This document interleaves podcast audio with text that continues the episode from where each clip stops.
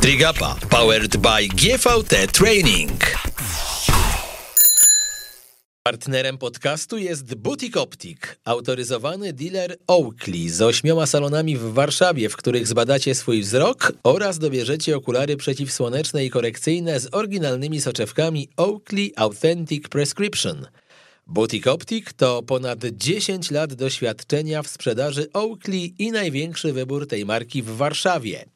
Są firmą, która od 2016 roku regularnie wspiera polskich triatlonistów. Ten sport to dla nich prawdziwa pasja. Kamil Gapiński, dzień dobry, witam Was bardzo serdecznie w kolejnym odcinku naszego podcastu Trigapa. Mówię naszego, no bo przecież wszyscy tak naprawdę w nim współuczestniczycie, albo zadając gdzieś pytania w internecie moim gościom, albo po prostu słuchając, za co jestem Wam jak zawsze bardzo wdzięczny. Ostatnio siostry Zuzanna i Magda Sudak, a więc nadzieje polskiego triatlonu, jak to mawia Marcin Waniewski, dziewczyny ze sportu kwalifikowanego, to teraz age grouper, ale age grouper y, przez naprawdę duże, chciałem powiedzieć E, ale age grouper pisze się przez A, więc przez naprawdę duże A. Jest ze mną, moi kochani, mistrz Europy z Olsztyna w kategorii M35-39, czyli Łukasz Lis. Łukaszu, dzień dobry, witam cię bardzo serdecznie. Cześć Kamil, witam wszystkich. Cieszę się, że udało mi się wkraść do Twojego programu w końcu. Tak więc y, sukces na Wolsztynie okazał się dobrym strzałem. Ja więc... jestem, wiesz, kibicem sukcesu. Wygrał coś, to od razu go zaprasza, żeby e, tutaj podbić słuchalność. Ja tak poważnie mówiąc, to Łukasz się nie musiał wkradać, to ja tam za nim biegałem. Co więcej, nie mogłem go znaleźć na Facebooku, bo on tam jest trochę zakamuflowany, Instagrama nie ma, więc się bałem, że będzie problem. No ale się udało. E, ty tak nie pchasz się chyba przed afisz za bardzo, co? Tak, zdecydowanie y, Facebook czy social media nie, nie są moją, moim konikiem, ale ale oczywiście ten y, profil y, klubowy jak najbardziej prowadzę, ale tutaj swój profil jest zaniedbany, a właściwie tylko go tam troszeczkę używam, ale jest to też miejsce do rozwoju, więc jak z tym ruszę, to myślę, że ten mój profil osobisty też będzie dobrze wyglądał kiedyś. To już będziesz gonił ją kona nie tylko, słuchaj, pod kątem wyników, a także pod kątem social mediów. Pozdrawiamy Marcina, jak w każdym odcinku mojego programu. On zapowiedział jakiś czas temu wielkie rozstanie z social mediami, po czym rzuca po trzy posty dziennie. To jest jednak stare, dobre uzależnienie. Słuchajcie, z Łukaszem rozpocznę od Olsztyna, od tego, co tam się działo, no bo to były fantastyczne zawody, mimo tego, że nie dopisały nam warunki atmosferyczne. Ja naprawdę już tego trzeciego dnia no myślałem, że zamarznę, no ale Polacy wystąpili, pokazali się z kapitalnej strony, chociaż no okej, okay, wiadomo, że Polaków i Brytyjczyków było najwięcej. Trochę taka rywalizacja polsko-brytyjska, ale też trzeba mieć gaz w nogach, żeby ją wygrać. Czy ty się czułeś na którymkolwiek momencie tej trasy zagrożony? Bo ja pamiętam, że Marcin Waniewski powiedział przed startem przez mikrofon, zwróćcie uwagę w kategorii M35 na Łukasza Lisa, on może być groźny. No i potem ta twoja przewaga nad drugim zawodnikiem, zresztą też Polakiem, już teraz z pamięci nie powiem, ale to było około 4 minut. Tak, przewaga była dość duża. Y, ja z reguły pływam bardzo dobrze, więc y, tutaj w wodzie. Zastanawiałem się oczywiście, czy ktoś jest y, mocniejszy, y, bo to zawsze jak w międzynarodowym środowisku czy jakiś bywa. tam Brytyjczyk czy Niemiec tak, się nie pojawi, dokładnie. nie? Ale tutaj też troszkę byłem zniesmaczony tak naprawdę tą moją kategorią, bo jednak ten poziom, jedno to poziom, ale drugie, że ta międzynarodowość była słaba, bo tak naprawdę to były prawdziwe mistrzostwa polsko-brytyjskie, bo byli tylko Polacy i Brytyjczycy, więc, więc była taka rywalizacja między dwoma narodami na Mistrzostwach Europy. A co do samego wyścigu, to oczywiście y, przed zawodami nie kalkulowałem za bardzo, jak to zwykle. Y, oczywiście robię, jak, jak jest taka duża ranga zawodów, to staram się jak, naj, jak najlepiej wy, wypaść i spinam się ile mogę, ale oczywiście to nie jest dla mnie też jakoś naj, super najważniejsze, więc, więc jeżeli by mnie ktoś dogonił czy tam wyprzedził na pływaniu, to też nie miałoby to wielkiego wpływu.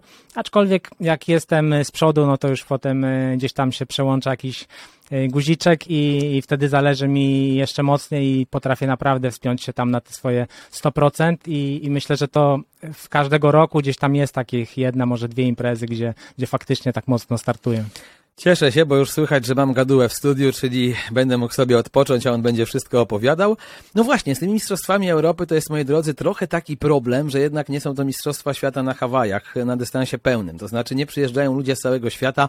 Z tego, co kojarzę, w zeszłym roku w Walencji z kolei było najwięcej Brytyjczyków oraz Hiszpanów. Czyli to tak trochę działa, że Brytyjczycy jeżdżą wszędzie i przedstawiciele danego kraju gospodarza dominują. No ale z drugiej strony absolutnie, żeby była też jasność. Nie chcę deprecjonować Łukaszowego sukcesu sukcesu oraz kilku innych Polaków, bo ciągle jednak e, paru koni musiałeś, powiedziałbym, wyprzedzić, żeby to złoto zdobyć. Tak, na zawodach trzeba po prostu być, a wygrać to jest sztuka i niezależnie od poziomu, jaki jest, to po prostu jeżeli ktoś staje na pierwszym podium, miejscu podium, no to, to jest to e, naprawdę wyczyn i ja to też zawsze doceniam wśród innych ludzi i, i może niektórzy uznają, że czwarte miejsce jest to pechowe, a ja uznaję, że jest jedno miejsce pierwsze, a pozostali są po prostu z tyłu i, i taka jest taka prawda.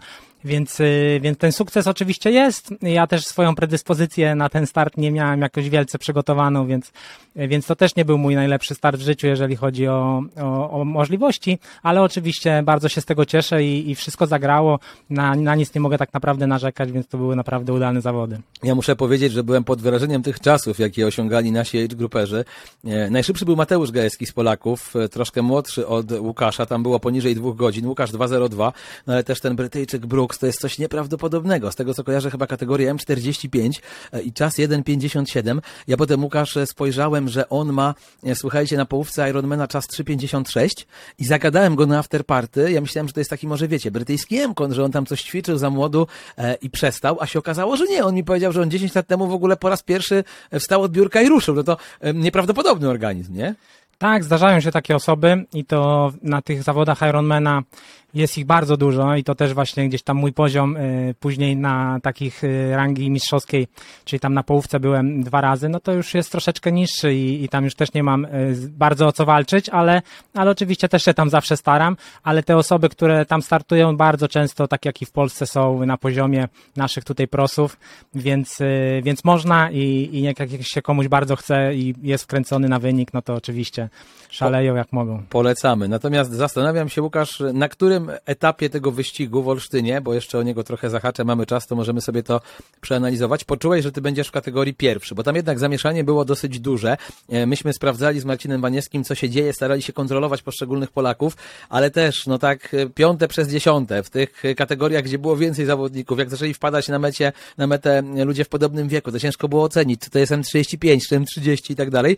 No potrzebowaliśmy chwili, żeby się w tym wszystkim połapać. Ty kiedy wiedziałeś, że to złoto jest, że tak powiem, na wyciągnięcie ręki? Tak naprawdę to e, mi było jeszcze chyba trudniej, bo, bo jak się startuje, to jest ciężko. Tutaj lubię te też tak, takie trasy, gdzie są nawrotki, więc trochę można się zorientować, ale ta przewaga była dość duża, więc ja nie wiedziałem dokładnie, kto tam z tej mojej kategorii jest, ale biegnąc y, na tych pachołkach nawrotowych patrzyłem, y, kto mnie dochodzi i tam były widać y, te kolorki z numerów startowych, więc jak się zorientowałem, że z mojej kategorii właściwie te osoby, które minąłem, to, to już nie są, bo są zdublowane, a pozostałych nie widać i nikt mnie nie dogania, no to wtedy wiedziałem. Jedna osoba gdzieś tam mi chyba na trzecim kółku krzyknęła, że jestem pierwszy, więc się trochę upewniłem, bo też takiej do końca pewności nie miałem. Co prawda na rowerze tylko mnie wyprzedziła jedna osoba na początku, początku, więc to też mógł być ktoś z poprzedniej kategorii wiekowej. A na biegu, y, o dziwo, pobiegłem z tych trzech dyscyplin najlepiej, y, jak jeżeli chodzi o swoje y, możliwości, myślę. Więc nie dość, że dobrze wszystko zagrało, to, to tak czułem się dość mocno, więc fajnie szło. No fajnie szło, ja muszę wam powiedzieć, że to też jest taka super energia, jak witasz Polaków, możesz wykrzyczeć, ja już naprawdę tego trzeciego dnia nie miałem siły, już to gardło nie bolało jak cholera, ale jak możesz jeszcze e, coś dać od siebie i krzyknąć, że Polak jest mistrzem Europy, no to też te 105% wchodzi i potem na tej dekoracji już też chciałem się płakać, przysięgam, już czułem, że marzyłem o końcu tej dekoracji, nie dlatego, że, że mi się nie podobało, ale nie mogłem mówić, ale to jest myślę radość dla wszystkich, Łukasz, dla e, członków rodziny, dla kolegów, dla takich postronnych obserwatorów, no kurde, widzisz Polaka na podium, jednak zawody rangi mistrzowskiej, no to musi się Micha cieszyć. Tak, no w ogóle super, że tak dużo Polaków wzięło udział mimo wszystko w tych zawodach, bo to też jest y, ważne. Zawody były dość liczne, bo wystartowało tam bodajże prawie 400 osób. Tanie też nie były, prawda? Tanie nie były, więc to też y, istotne, bo, bo jak już się pojechało, no to, to faktycznie jak y, można było stanąć na podium, no to trzeba to doceniać. Ale też jaka mobilizacja, żeby formę wypracować, jak to, wiesz, Polak jak już zapłaci, no to, to się zmusi, żeby potrenować. No. W większości tak, ale też dla niektórych myślę, że te warunki mogły być odstraszające. Polak mógł zrezygnować, a najprawdopodobniej osoby z zagranicy, jak już tam wszystko powykupywały, noclegi i tak dalej, no to już troszeczkę y, trudniej. Przez ponad 10 lat mój rozmówca Łukasz Lis trenował pięciobój nowoczesny, czyli jakbyście nie wiedzieli, dyscyplinę wymagającą jeszcze większej wszechstronności aniżeli mm, triatlon. Ja miałem okazję w sportklubie kilka razy komentować zawody Pucharu Świata. Na początku w ogóle powiem wam, jak mnie do mm, pięcioboju oddelegował szef telewizji. Powiedział tak, słuchaj, tam jest bieganie i pływanie, to już jest prawie triatlon, nikt nie ma o pięcioboju pojęcia, ty znasz się na dwóch dyscyplinach, naucz się trzech kolejnych i będzie ok. Ja powiedziałem, dobra, będzie ok.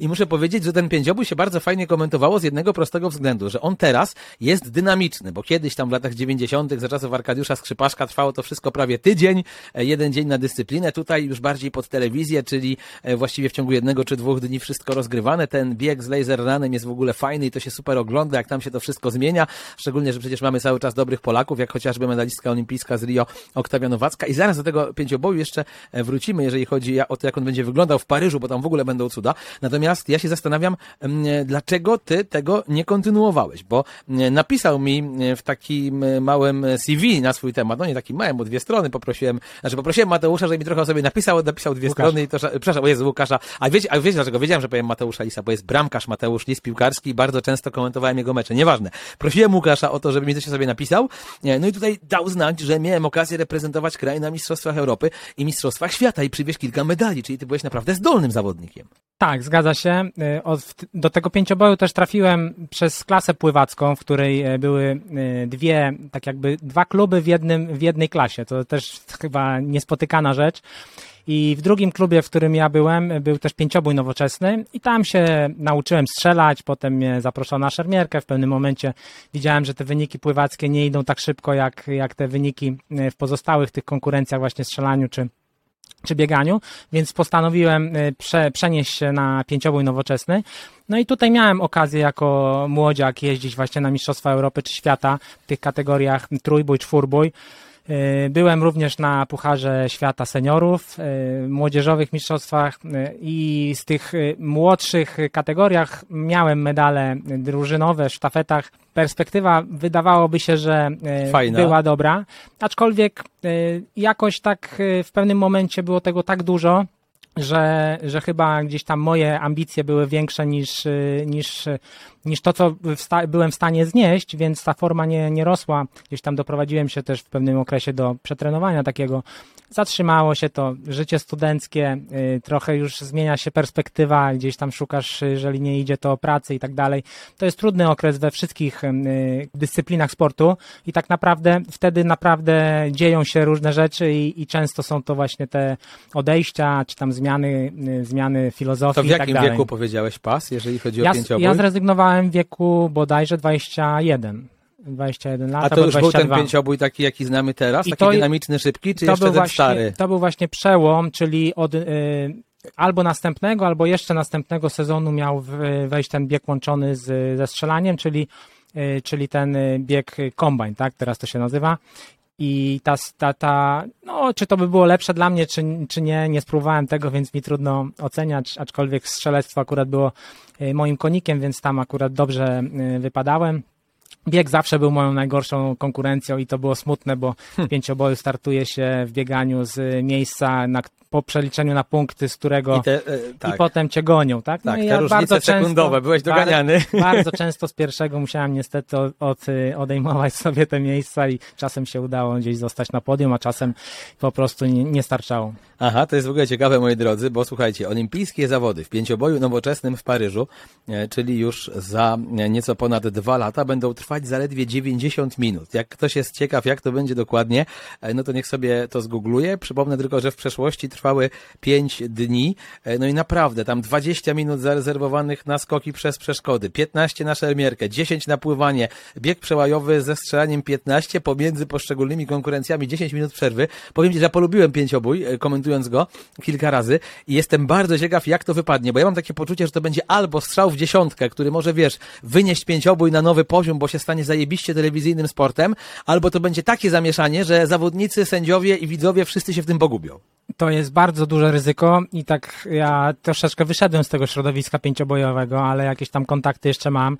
I na pewno to jest y, taki sam taki sam moment dla niektórych ludzi, którym zrezygnują z tej dyscypliny, bo po prostu to jest zbyt ogromna zmiana i Niektórzy i, się mogą nie i po odnaleźć. prostu ze wszystkie lata treningów, które były dostosowane do czegoś innego, mogą w ogóle nawet nie, nie, nie dać e, rady e, z innymi osobami młodszymi, które będą po prostu lepiej znosiły zmiany, które, które przynoszą. I tak samo było trochę z tym wprowadzaniem lasera i biegania połączonego, znaczy ze strzelaniem i tak samo pewnie będzie tutaj.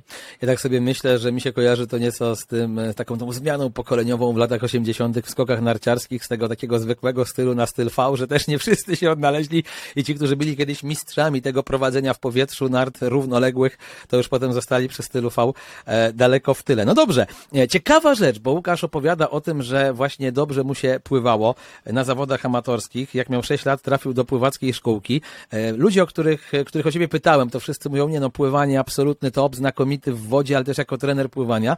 E, Czyli powiedziałbym, należysz do tego nielicznego grona szczęśliwców, który, którzy wcale nie uważają, że pływanie jest przereklamowane, tylko w wodzie się naprawdę czują jak ta przysłowiowa ryba.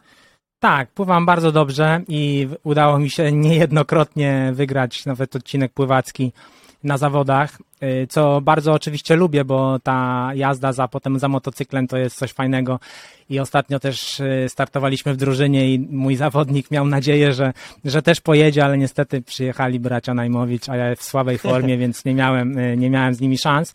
Aczkolwiek y, tak, pływanie idzie mi dobrze, poświęcam temu mimo wszystko bardzo mało czasu. Teraz poświęcam jeszcze tego czasu na to pływanie mniej, stąd też y, słab, słabiej się w tej wodzie czuję, ale dalej wychodzi. To jest tak, że y, na pewnym poziomie po prostu trzeba trochę podtrzymywać tą formę. A nie się zażynać robiąc kilometrów. Tak, tak, tak, dokładnie. Trochę tego tempa tam trzeba ten trening taki y, mimo wszystko prowadzić, ale, ale jeżeli chodzi o samo pływanie, no to to przychodzi bardzo łatwo. A czy uważam, że jest przereklamowane? To tak, to jest zdecydowanie przereklamowane mimo wszystko, bo to y, większość ludzi poświęca temu za, za dużo czasu i, i trochę też za dużo się tym pływaniem denerwuje. Ale na początku jest taka obawa, zwłaszcza u tych osób początkujących, więc dlatego też y, tak mocno też w Polsce jest ten, y, tak naprawdę te kluby triatlonowe są y, takie nastawione na ten, na ten pływanie. Ja staram się troszeczkę od tego uciekać i, i prowadzę to bardzo kompleksowo, aczkolwiek i tak trudno jest od tego pływania uciec, bo po prostu ludzie y, czują w tym największy potencjał, bo po prostu najbardziej się tego obawiają i, i wydaje się, że że można tam trochę tych sekund urwać, ale tyle, co jest do urwania na rowerze i bieganiu, no to w pływaniu się po prostu tyle nie da. Tak, o tym za chwilkę jeszcze porozmawiamy. Ja myślę, że to jest kwestia wszystko dystansu, no bo teraz robiąc y, czy to w Olsztynie, jeżeli chodzi o juniorów i elitę, pani, panów, e, super sprint czy sprint w Rzeszowie, no pewne jest jedno, że tu musisz mieć pływanie na zajebiście wysokim poziomie, bo jak ci po prostu odjedzie grupa kolarska, no to zapomnij stary o tym, żeby cokolwiek zrobić, ale to się jednak tyczy, już umówmy się, raczej prosów, no bo dla amatorów ten dystans sprinterski, już o super sprinterskim nie wspominam, bo on się prawie e, nie odbywa, ale ten sprinterski to, to jest raczej rzadkość, no przeważnie każdy startuje na troszkę tych dystansach dłuższych. Tak, w ogóle te spry- y, dystanse sprint i dystans olimpijski są w Polsce mało lubiane, bo ludzie przez to, że y, słabo pływają, to wolą wystartować w jednej ósmej bądź w jednej czwartej, bo tam jest połowa tego pływania, więc zdecydowanie łatwiej. Ja akurat właśnie zdecydowanie wolę sprint i olimpijkę i to są takie dystanse troszeczkę pode mnie, bo tego pływania jest y, znacznie więcej niż w innych.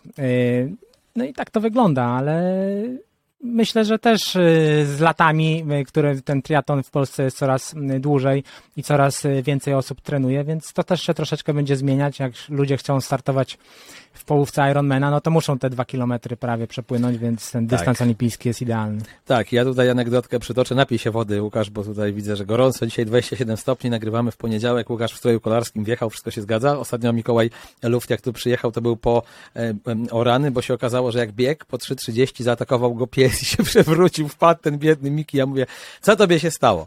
No dobrze, ale mam anegdotę a propos właśnie tego motocykla, bo mi przypomniałeś, że kiedyś mi Bardek Olszewski, czyli warszawski biegacz, opowiadał o tym, że pojechał na, poleciał na maraton na Jamajce ze swoją dziewczyną. No i słuchajcie, tam no nie było jakiegoś wybitnego poziomu, nie było, nie wiem, Kenijczyków czy Etiopczyków i biegł pierwszy. No i biegnie pierwszy i przed nim jedzie motocykl, ale nie był to taki motocykl, jak przywykliście w Polsce, że tam gość z kaskiem, profesjonalnie wszystko, tylko jedzie taki e, gość wyglądający jak wnuczek Boba Marleya, są dredy, leci Buffalo, Soldier i on mówi, i to by było nawet fajne, ale niestety ten gość palił jointa, a wiatr był w taką stronę, że mi wszystko buchało w twarz. Więc mówi, że takiego maratonu to jeszcze nie zaliczył, gdzie czuł, że marihuana mu tam gdzieś uderza w twarz i biegnie i, i leci w niego, bo, bo gościu sobie na takim luzie jechał na motocyklu. To taka była moja e, krótka anegdota. Wracając do pływania, bo e, zapewne słucha nas wielu zawodników, którzy z tym mają problem, a ty jesteś też trenerem pływania, więc jestem ciekaw, e, jakie są takie te, czy to się w ogóle da zdefiniować, e, najczęściej popełniane właśnie błędy przez ludzi, którzy powiedzmy, no pływają w triatlonie średnio, czyli tak jak ja te 38, 39, 37 minut na, e, po, dobra, 37 to skłamałem, tak szybko nie przepłynąłem, 38, 39, taki gość, że się nie utopi, ale też no szału nie ma, e, to jakie to są błędy i czy to się da jeszcze wyeliminować. Ja oczywiście pytam o tych ludzi od 30 roku życia z reguły wzwyż, no bo oni często dopiero wtedy zaczynają się bawić w triatlon, często powiedziałbym, albo właśnie mając wcześniej bardzo małe pływackie doświadczenie, albo wręcz w ogóle ucząc się tego pływania od początku. Jeżeli nie ma obaw psychicznych, bo też część osób wraca po takich gdzieś tam swoich traumatycznych przeżyciach. Topił się tam jezioro, nad jeziorem, tak, coś. Aha. Basen i tak dalej. No to na pewno każdy jest w stanie się nauczyć pływać i teraz dochodzą ograniczenia w obręczy y, barkowej czy zbyt, zbyt mocno y, zaokrąglone plecy, wtedy mamy problem z uniesieniem ramion nad głowę i to jest dość duża przeszkoda, aczkolwiek też można na to znaleźć jakieś tam mniejsze, bądź lepsze, bądź gorsze sposoby, tak żeby sobie z tym poradzić. Na pewno najważniejszą rzeczą w pływaniu, no to jedno to jest napęd, czyli ta nasza praca ramion pod wodą, na którą najwięcej uwagi powinniśmy y, y, skupiać się, a drugą rzeczą no to są opory, które generujemy, czyli na przykład te tonące nogi, które są niwelowane troszeczkę przez piankę, ale są też inne elementy i jakby każda osoba troszeczkę z innymi y, błędami będzie miała do czynienia i tak jak u nas to w klubie robimy, to sobie te osoby profilujemy pod kątem technicznym i dobieramy te zestawy ćwiczeń schematycznie, ale tak na, tak na dobrą sprawę każdy jest stanie y, zobaczyć, co u niego dolega i dzięki temu ma też możliwość y, y, sfokusowania się na tych swoich błędach, a niekoniecznie na błędach ogółu. Opowiadasz już o klubie któryś raz, no to powiedzmy, jaki to jest klub. W 2023 roku będziecie świętować dziesięciolecie swojego istnienia. Tak, zgadza się. Prowadzę klub tri, tri Club, czyli to taka nazwa właśnie bardzo międzynarodowa, która też jest dość mocno za granicą mylona, ale, ale tak, tak, tak nazwaliśmy ten klub. Właściwie to nie ja nazwałem, bo też do tego klubu wszedłem i, i pozostałem. I jest, mamy siedzibę w Warszawie, więc tutaj sobie trenujemy. Mieliśmy taką rozłąkę, y, roznogę tak naprawdę y, w, w Lublinie. Jakiś czas prowadziłem też i klub w Lublinie i w Warszawie. Teraz jesteśmy stacjonarnie w Warszawie, ale oczywiście też mamy osoby, które działają z nami zdalnie, więc ta, ta bariera jest teraz zniwelowana. no właśnie, mówiłeś, się... że są treningi zdalne z trenerem, tak? Tak mi napisałeś. Tak, zgadza się. Właśnie jeździmy na kolarsko zdalnie i to jeździmy przez cały sezon. Mamy taki trening w środę rano, gdzie łączymy się na słuchawkach.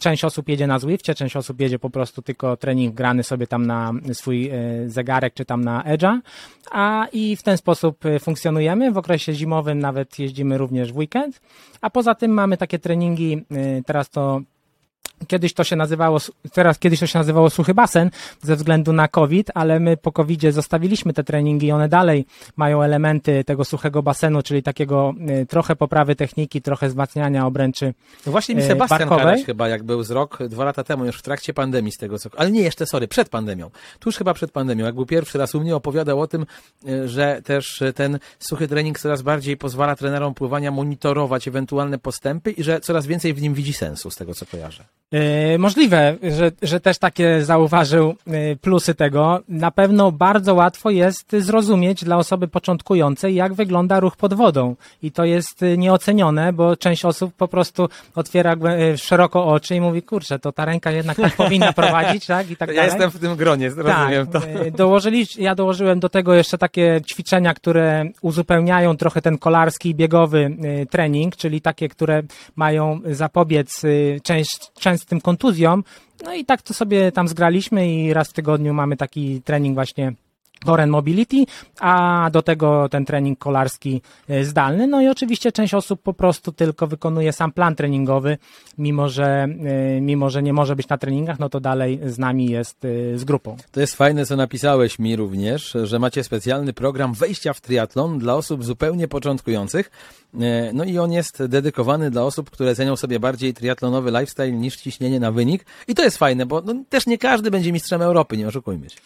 Tak, y, myślę, że takich ludzi to w ogóle jest najwięcej y, w Polsce, który, którzy, którzy trenują tak naprawdę tylko po to, żeby się ruszać, a nie po to, żeby osiągać te największe y, cele. Oczywiście to też z czasem u niektórych się zmienia, ale tak na dobrą sprawę ta presja bardzo często przytłacza i ludzie zamiast wycofać się i pójść troszeczkę luźniej dalej trenować tą dyscyplinę, no to rezygnują i szukają czegoś innego, a można to robić naprawdę w małym zakresie, pływając raz, e, biegając raz, jeżdżąc raz, gdzieś tam dokładając jeszcze jakąś jedną jednostkę, wychodzą cztery treningi i jest to poziom y, dobrego mimo wszystko biegacza, który biega cztery razy w tygodniu, ale dalej to jest, y, można się nazywać triatlonistą i nie wykonywać tutaj nie wiadomo jakichś katorniczych treningów, tylko robić to naprawdę spokojnie. I tak samo jedno to jest pozostanie przy sporcie, a drugie to jest po prostu wejście w ten sport, który naprawdę dla wielu osób wydaje się nieosiągalny, bo, bo jest tak dużo, tak? Jest troszeczkę też tak nadmuchana ta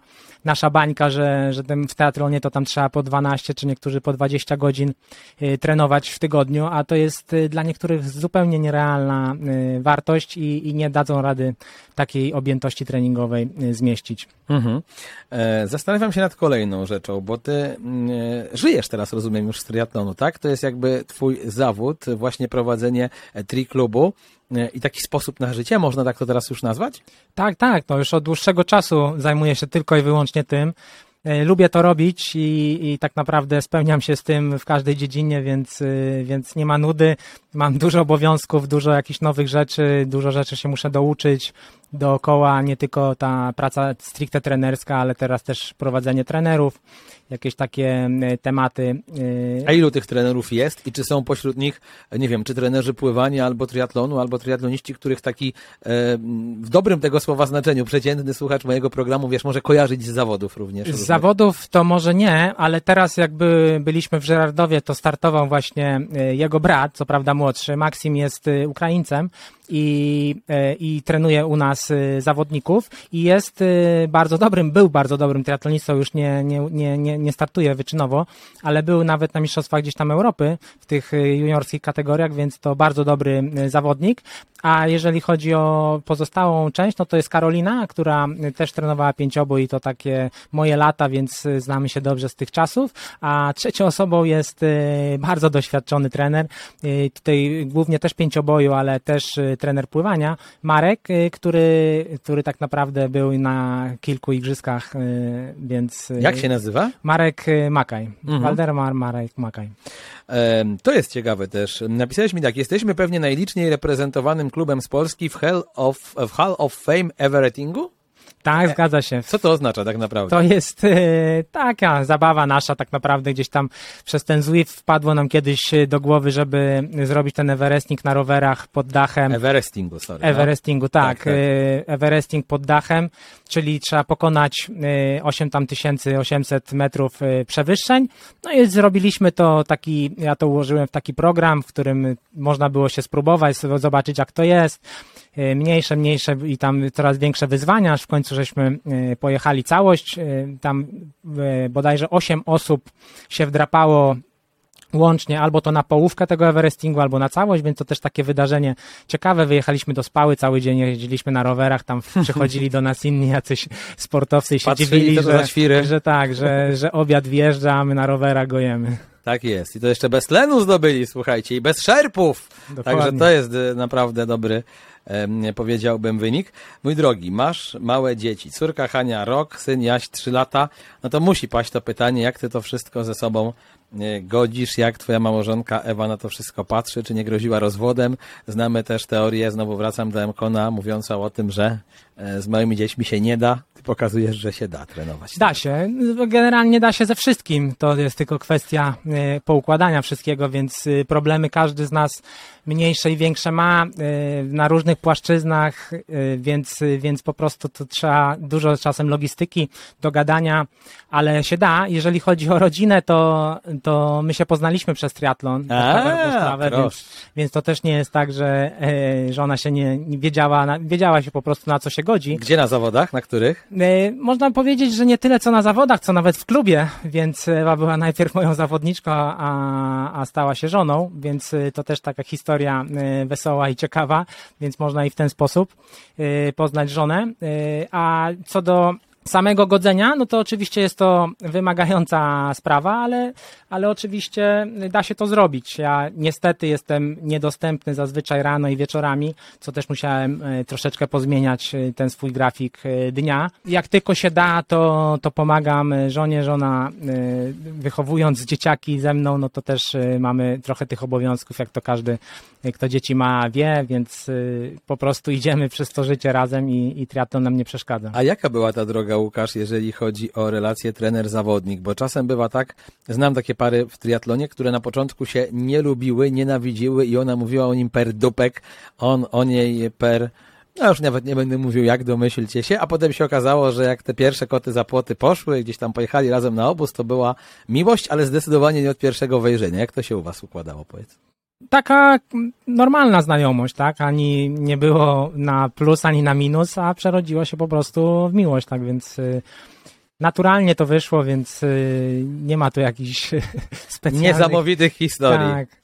No dobrze, ciekaw jestem, bo ty opowiadałeś właśnie o tym, że te krótkie dystanse są twoją domeną w związku z dobrym pływaniem, natomiast takie największe marzenia triatlonowe są związane, nie wiem, właśnie z połówką Ironmana, z pełnym dystansem, czy, czy zupełnie nie? Czy jesteś właśnie takim zawodnikiem, który na razie ma ochotę się fokusować e, na tych olimpijkach, na tych świadkach i tam, powiedziałbym, e, się ścigać z najlepszymi, no bo przecież Mistrzostwa Świata na dystansie olimpijskim też e, są rozgrywane.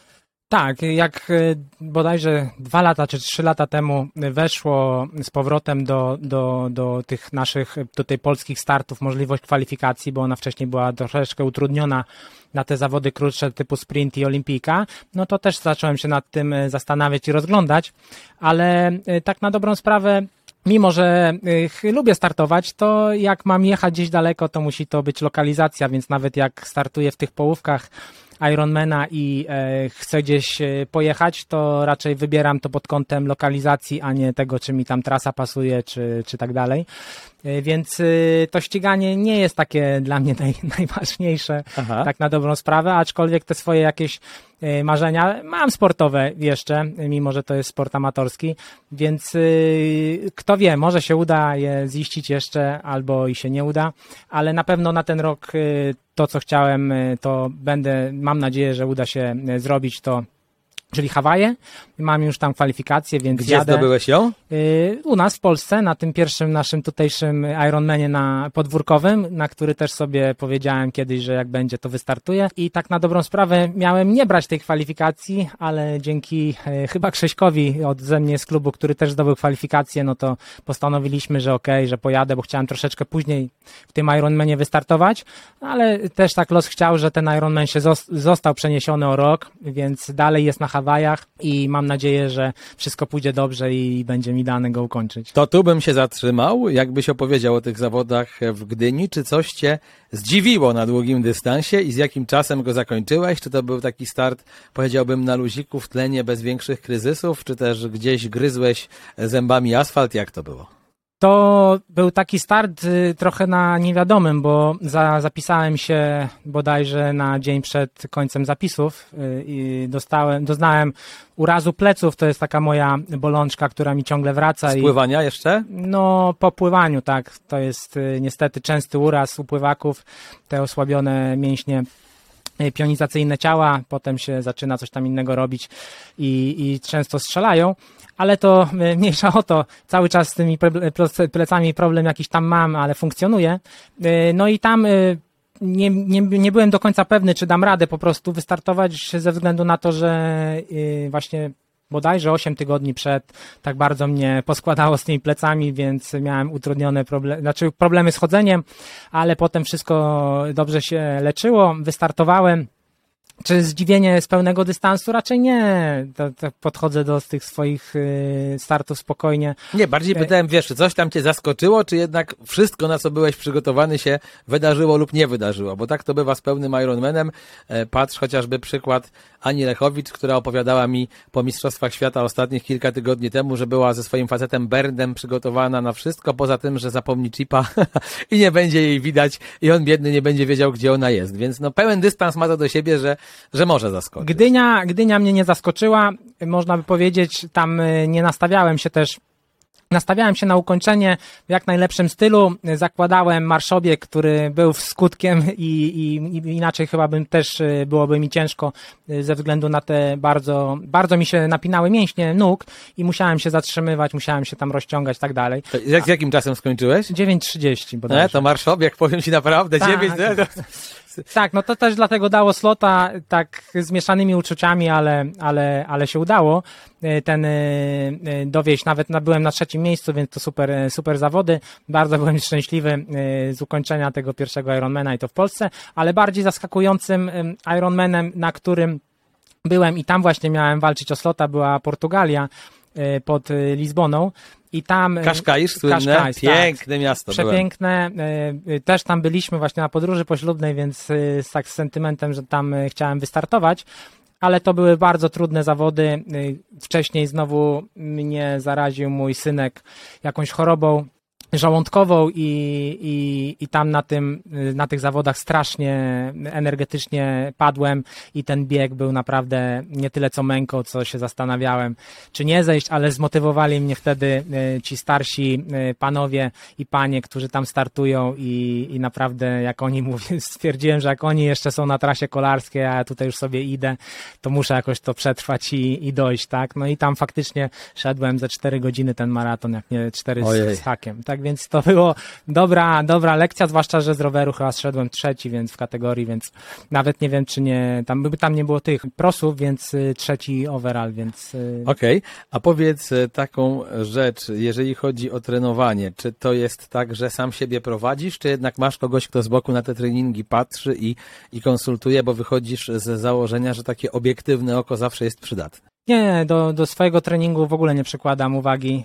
Y, Robię wszystko to, co y, robią moi zawodnicy, czyli ten y, plan, który tam gdzieś zakłada. Teraz mamy podział na różne na różne poziomy zaawansowania, no to jestem w tej najmocniejszej grupie, ale i, i trening jest też ustrukturyzowany pod kątem y, czasu, ta, tego czasu Czyli też, zawodnicy na pierwszym miejscu są. tak, zdecydowanie.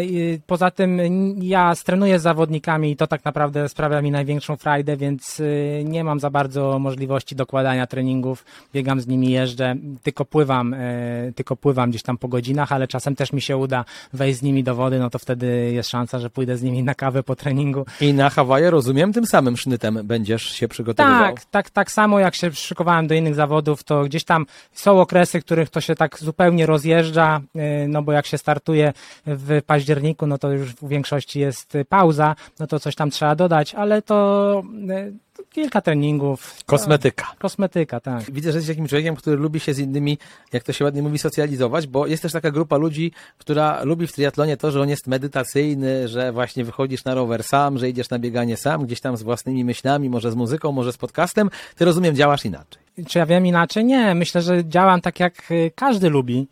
Bo jak popatrzymy na świat, to nawet ci najlepsi zawodnicy y, bardzo, trenują. bardzo potrzebują grup z różnych względów. To się zmienia w zależności od poziomu. Czym y, poziom niższy, to tym chyba więcej tego fanu z tego przebywania z ludźmi Znaczy, powinno ja, być. ja tak roz, rozdzielam na dwie grupy. Właśnie, że jedna, ja lubię na przykład trenować w ogóle sam, zawsze, a drudzy, którzy lubią tych mieć ze sobą, nie wiem, czy sparring partnerów, jak to się ładnie mówi na rowerze, czy na bieganiu, bo nawet łatwiej im jest, e, czy wyjść na trening, czy to, co mi kiedyś, nie wiem, Adam mm, Kszczot, czy Marcin Lewandowski już przy tym pro poziomie opowiadali, że po prostu grupa cię ciągnie do góry, kiedy masz gorszy dzień.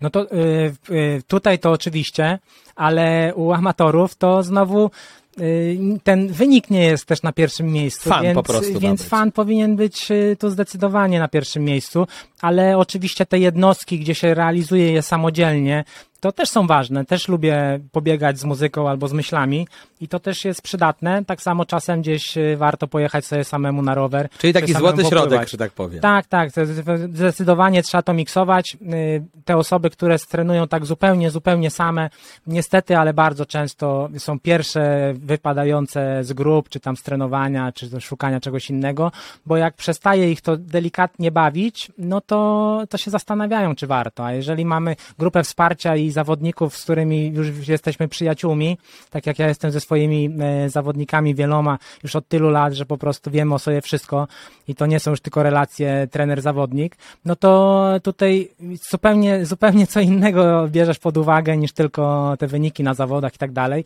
I, i samo przychodzenie na trening po prostu ci sprawia przyjemność, mimo że e, nie, nie, nawet możesz nie startować w zawodach, tak? Tak, to mi się bardzo podoba, bo to już jest taki sposób na życie i rzeczywiście w triatlonie absolutnie się zgadzam, iż można poznać e, takich ludzi, którzy będą twoimi po prostu przyjaciółmi, niezależnie od tego, mm, czy ty ten sport będziesz dalej uprawiać, e, czy nie, a jeżeli będziesz chciał, to będą ci w tym pomagać. Ile osób w ogóle e, liczy sobie Tri Club i e, jak się do was można zapisać i też opowiedz o co chodzi e, z tym, że Ironman tam się o coś poprosił specjalnego. Tak, tak. y, To może zacznę od tego Ironmana właśnie, jak już nie pamiętam, czy to było w Nicei, czy gdzieś, ale jest ten program lojalnościowy tego Ironmana, który zrzesza te kluby i można tam walczyć w tych klasyfikacjach międzynarodowej e, społeczności Ironmanów, tych wszystkich triklubów. No i właśnie tutaj powstał ten problem, że triklub no to triklub, więc nie możemy cię nazwać jako triklub, no bo triklub to jest po prostu triklub u nas. Więc czy mógłbyś e, się nazywać Triklub Polska? No ja powiedziałem, okej, niech będzie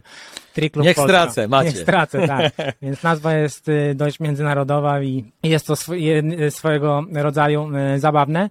Y, A co jeżeli chodzi o drugą część pytania, przypomnij proszę. Tak, oczywiście. Ile osób e, trenuje ile na co dzień z wami i jak się do was można e, zapisać? Jakby ktoś chciał, bo nie wiem, e, słucha nas i myśli sobie, że to pewnie jest taka fajna społeczność Triklubu i że byłoby miło do niej dołączyć, to jak to może zrobić? Zapisy tak naprawdę są przez cały rok, więc to nie ma znaczenia, kiedy ktoś chce dołączyć.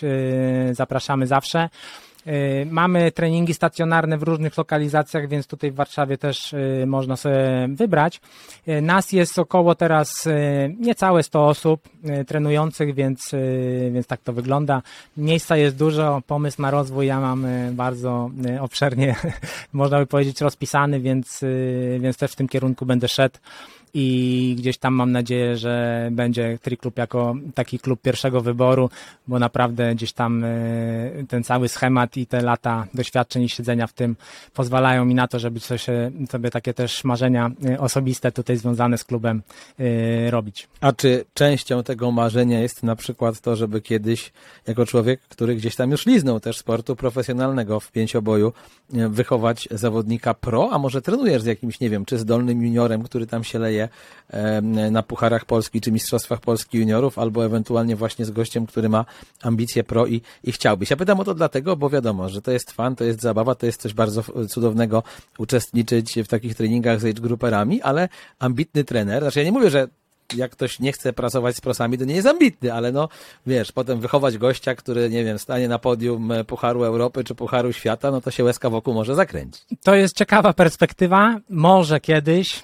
na pewno nie teraz. Y, Duża odpowiedzialność, duże zaangażowanie, y, takie, y, znaczy trzeba sobie od, oddzielić ten sport, profesjonalny od tego, co ja teraz robię, bo, bo to jest zupełnie inna historia i podziwiam te kluby i tych trenerów, którzy, którzy jeżdżą z tymi dzieciakami co tydzień i tak dalej i, i cały czas wierzą w to, że na te igrzyska pojadą ale to jest właśnie bardzo duża odpowiedzialność i, i zupełnie w innym miejscu y, leży wtedy ten sport, a ja mimo wszystko cenię sobie y, bardziej rodzinę, a tutaj na pewno duże, duże, duży uszczerbek na, na tym polu by musiał zaistnieć, bo jeżeli zaczynasz jeździć po całym świecie, no to nie ma cię. Nie ma ciebie, tak, nie widzisz jak dzieci e, dorastają. Ty wygrałeś jednego roku w Mistrzostwach Polski sprint, olimpijkę i połówkę, oczywiście jeżeli chodzi o amatorów.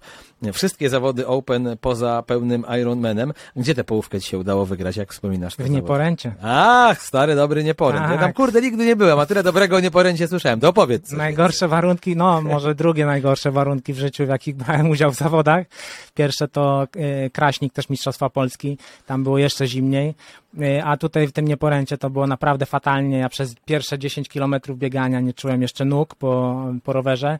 Jechałem e, w, w trzech warstwach na, na brzuchu, w rękawkach, w, w, w nogawkach e, i w ty, znaczy w nogawkach nie, tylko w, tych e, stopkach na buty, no było bardzo zimno, bardzo zimno ale, e, ale udało się dowieść do końca na tych zawodach ten wynik, więc, więc super. E, A tak też sobie kolekcjonuję właśnie takie mniejsze można by rzeczy, tak? Czyli takie wygrane gdzieś tam w głowach, e, w głowie mi chodzi, e, nawet indywidualnie zastanawiałem się kiedyś, czy nie, nie przejść na rok do pro, żeby, żeby tylko tak sobie zobaczyć i gdzieś to mieć w swojej Odhaczone wiedzy, jak też. to wygląda, tak takie czasy jak poniżej 4 godzin w połówce czy 9 w Ironmanie, ale nie wszystko jest, y, może nie, nie wszystko być mi dane ze względu głównie na moje plecy, czyli tak y, realnie patrzę na to, że może po prostu y, gdzieś tam w którymś momencie będę musiał tą karierę sportową No właśnie, swoją taką amatorską trochę bardziej jeszcze zawiesić na kołek i, i, i odpoczywać. Jak bardzo te plecy przeszkadzają? To jest tak, że nie wiem, ty też chadzasz do fizjoterapeutów, zakładam, że kwestia jakiegoś rozciągania się i tak dalej, jako człowiek, który pływa od małego, masz w małym palcu. Pracuję od, z fizjoterapeutą od kilku lat i to są bardzo e, częste wizyty i tak na dobrą sprawę cały czas e, albo dłubiemy tam, gdzie, gdzie coś boli, bo to przy sporcie m, jak dużo się trenuje, to, to zawsze coś tam dolega. I niwe- niwe- niwelujemy te rzeczy związane z plecami, aczkolwiek tutaj ja nie mam jakichś takich wielkich schorzeń, poza tym, że tam w ostatnim roku i to też głównie przez inne rzeczy, y, mi te plecy powróciły, czyli jedno to był COVID, drugie była y, grypa, którą bardzo mocno przeszedłem i się okazuje, że największy uszczerbek y, dostały moje plecy, a nie nic innego.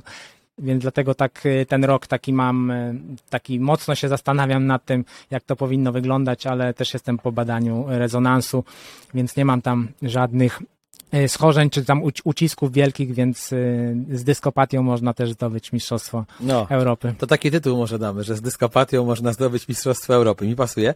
E, powiedz, jak to u Ciebie mm, jest, jeżeli chodzi o te poszczególne sporty w triatlonie, rozbierając je na czynniki pierwsze. Czym dalej, tym gorzej? To znaczy zajebiste pływanie, bardzo dobry rower i dobre bieganie, czy jakoś inaczej?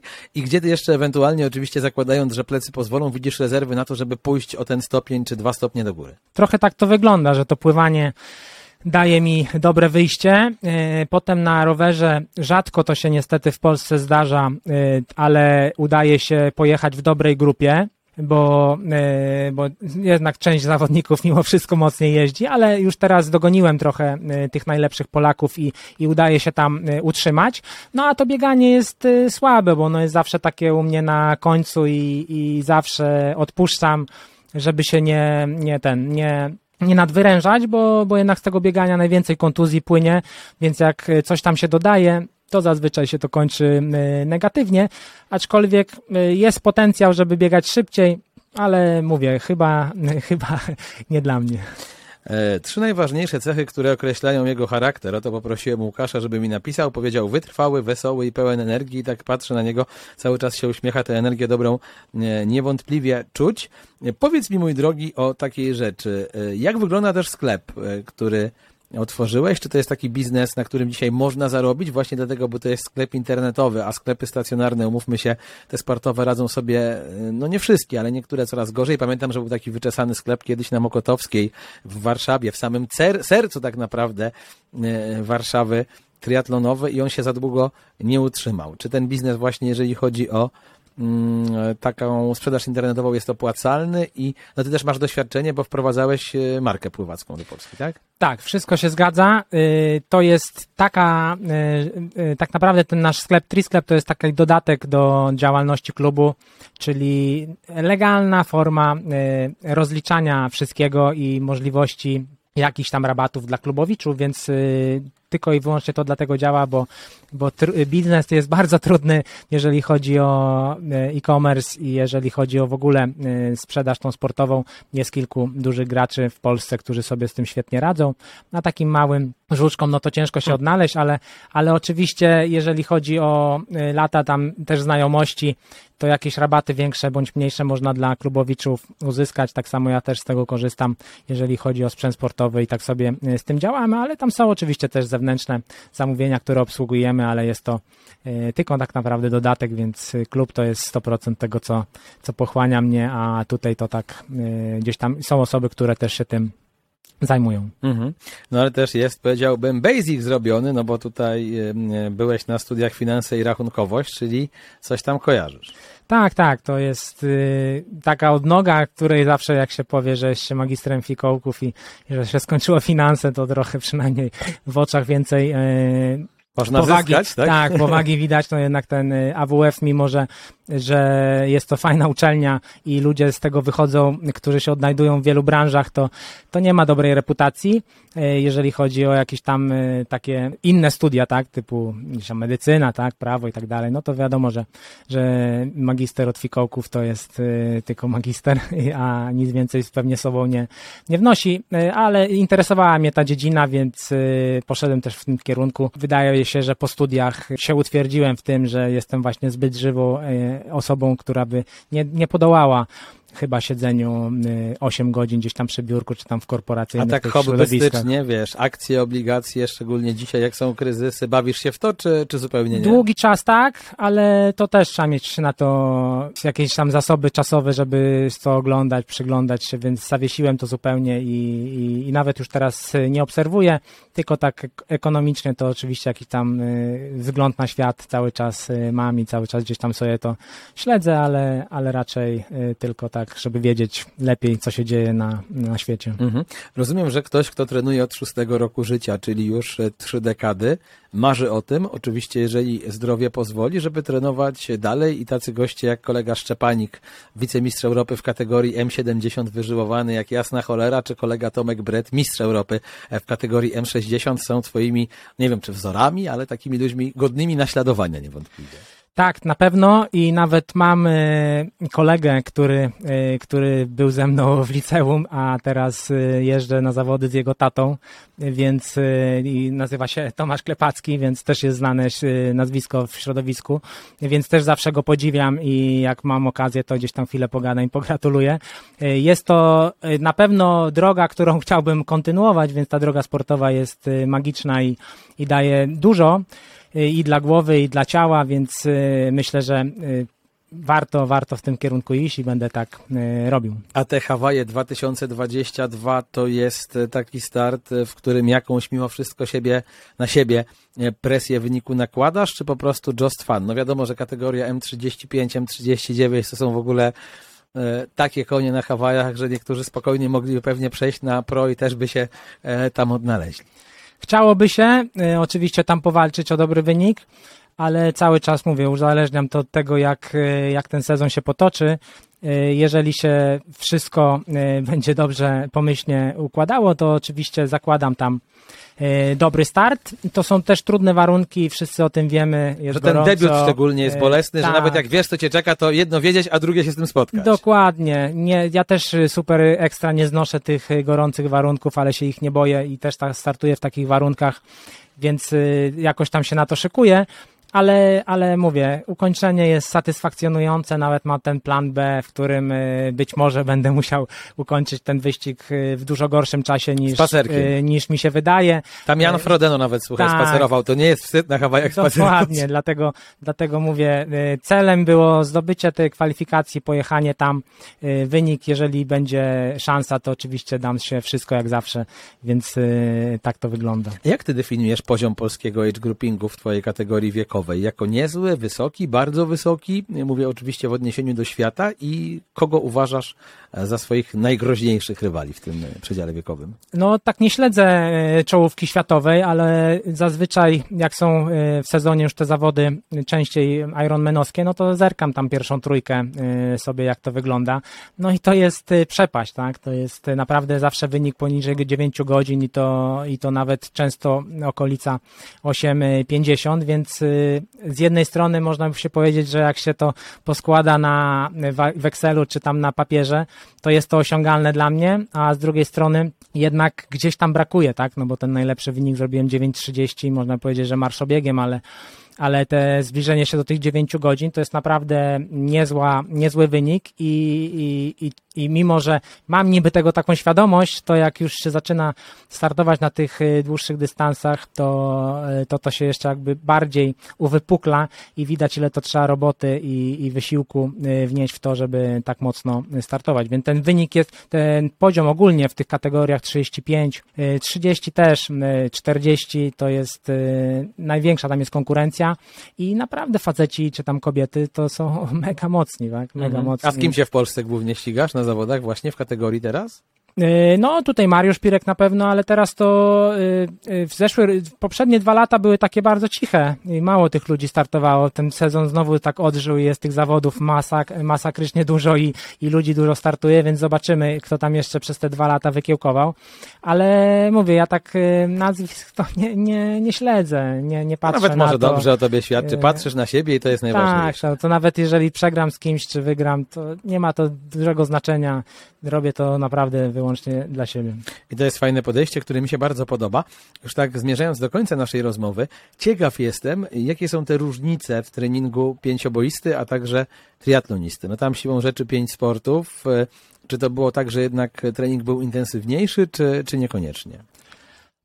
Na pewno różnica jest duża. Triatlon e, pod tym względem e, to jest prostą e, dyscypliną, bo tutaj jest sport wydolnościowy, właściwie we wszystkich trzech konkurencjach robimy to samo trochę inne bodźce i tak dalej, ale, ale bardzo podobnie. Jeżeli chodzi o pięciobój, no to tutaj jest zupełnie inaczej. Szermierka tutaj szczególnie chyba, nie? Y, strzelanie teraz też się troszeczkę zmieniło, tak jak ja trenowałem, to był po prostu stoicki spokój i nierozpraszanie, wyłączenie się, odizolowanie od wszystkiego. Nagle trzeba było pójść na szermierkę i być y, żywiołem, tak? I te emocje zupełnie skrajne. Jeżeli chodzi o pływanie i bieg, no to tutaj bardzo wysoka intensywność, bo to były krótkie wyścigi. A jeżeli chodzi o jazdę konną, no to trening wydawałoby się prosty i to dużo od konia zależało, ale takie połączenie, trochę męczące e, ta jazda konna, ale też taka właśnie nauka kontaktu e, z rzeczami, z którymi się, na, na które się nie zawsze ma wpływ. Mhm. A której z tych trzech dyscyplin, mówię o strzelaniu, szermierce i jazdy konnej ci najbardziej brakuje? A być może hobbystycznie, nie wiem, czasami sobie gdzieś tam na parkour e, wyjedziesz i jednak, nie wiem, może pokochałeś to jeździectwo i sobie jeździsz, czy zupełnie nie? Nie, właśnie zupełnie nic nie robię z pięcioboju poza pływaniem i bieganiem. E, mam cały sprzęt w domu, więc... E, Koń tam w domu cały czas gdzieś w zagrodzie stoi i czeka. Chomikuję. Właśnie na, na, się, e, na moim ślubie było trochę pięcio triatlonistów, więc podpytywali się rodziców, gdzie ten koń mieszkał. No to się ojciec śmiał, że, no, że był przywiązany właśnie na dziewiątym piętrze w bloku. No ale nie, no, jazda jest na koniach wypożyczonych albo albo tak jak tutaj mieliśmy klubowe, ale brakuje, ja wiem czego, Chyba jazda Czasu. konna. Jazda konna była takim y, sportem, do którego można by wrócić. No i szermierka. I szermierkę trochę tam się bawiłem po zakończeniu, ale no czas, tak. Zupełnie gdzieś tam innie, w inne miejsce ukierunkowałem się i, i nie, nie, nie postrzegam tego jako, y, jako, że czegoś mi tam brakuje bardzo. Oba takie eleganckie sporty, pewnego rodzaju powiedziałbym wymagające wytworności. Jak byłem parę razy na zawodach, no bo pochodzę z Płocka, niedaleko jest Łąck, gdzie były Mistrzostwa Polski w koniach przez przeszkody. Kiedyś pamiętam wysłano mnie jako młodego chłopaka, korespondenta przeglądu sportowego na takie zawody. Wiedziałem wtedy tylko, że jest koń, jeździec i przeszkoda. Nie wiedziałem nic, ale się nauczyłem i ta kultura mi się spodobała i te skoki przez przeszkody są fajne, też jak się e, komentuje właśnie pięciobój, no bo tam każde strącenie to jest 7 punktów e, karnych, niezmieszczenie się w limicie czasu, e, punkt karny za sekundę, to potem to, co mówiłeś, jest to przeliczenie tego wszystkiego, tych punktów łącznie za cztery dyscypliny, za trzy dyscypliny właściwie przed laser runem, no i to budzi jakieś tam emocje. Tak, no ta jazda jest y, przed tym y, tą finałową konkurencją, więc zawsze tam jest stres y, spory, bo to można dużo stracić, można dużo zyskać i naprawdę jest taka kalkulacja. Trochę tego szczęścia trzeba tam mieć. Szczególnie, że losujesz konia, no właśnie. Tak, można, mimo że dobry koń, tak jak tutaj nasi słynni pięciowoiści, którzy gdzieś tam kiedyś im się nie powiodło na igrzyskach, można tą yy, całe, cały występ zawalić na tej jeździe, przez to tylko, że gdzieś tam się źle dopasujemy, ale ta jazda mimo wszystko nie jest taka trudna i mimo, że to są yy, nieznajome konie, to jest to do, do ogarnięcia, ale czasem są takie przypadki, że gdzieś tam coś nie spasuje, coś się wydarzy, gorsza, gorsze samopoczucie właśnie, czy to konia, czy człowieka i, i coś może nie zagrać. No to by zagrało, aby wszystko było w porządku, jeżeli chodzi o Twoje zdrowie i o triatlon w sezonie 2022. Bardzo miło mi było Ciebie gościć i po raz pierwszy porozmawiać e, na tematy triatlonowe, ale też jak słyszycie takie bardziej kumpelskie w triatlonie, trochę pięciobojowe, trochę zdrowotne. Łukasz Lis, nasz świeżo upieczony mistrz Europy z Olsztyna z kategorii M35, M39 był ze mną. Dziękuję Ci Łukasz. Dziękuję serdecznie i pozdrawiam wszystkich. Pozdrawiamy wszystkich bardzo serdecznie. Pozdrawiam moich wszystkich patronów www.patronite.pl łamane przez Trigapa. Tam można piątkę, dyszkę albo nawet i miliony monet wrzucić, jak macie ochotę wspomóc powstawanie tego podcastu. Słyszymy się, kochani, w kolejną środę. Kamil Gapiński. Wszystkiego dobrego. Trigapa powered by GVT Training. Partnerem podcastu jest Butik Optik, autoryzowany dealer Oakley z ośmioma salonami w Warszawie, w których zbadacie swój wzrok oraz dobierzecie okulary przeciwsłoneczne i korekcyjne z oryginalnymi soczewkami Oakley Authentic Prescription. Butik Optik to ponad 10 lat doświadczenia w sprzedaży Oakley i największy wybór tej marki w Warszawie. Są firmą, która od 2016 roku regularnie wspiera polskich triatlonistów. Ten sport to dla nich prawdziwa pasja.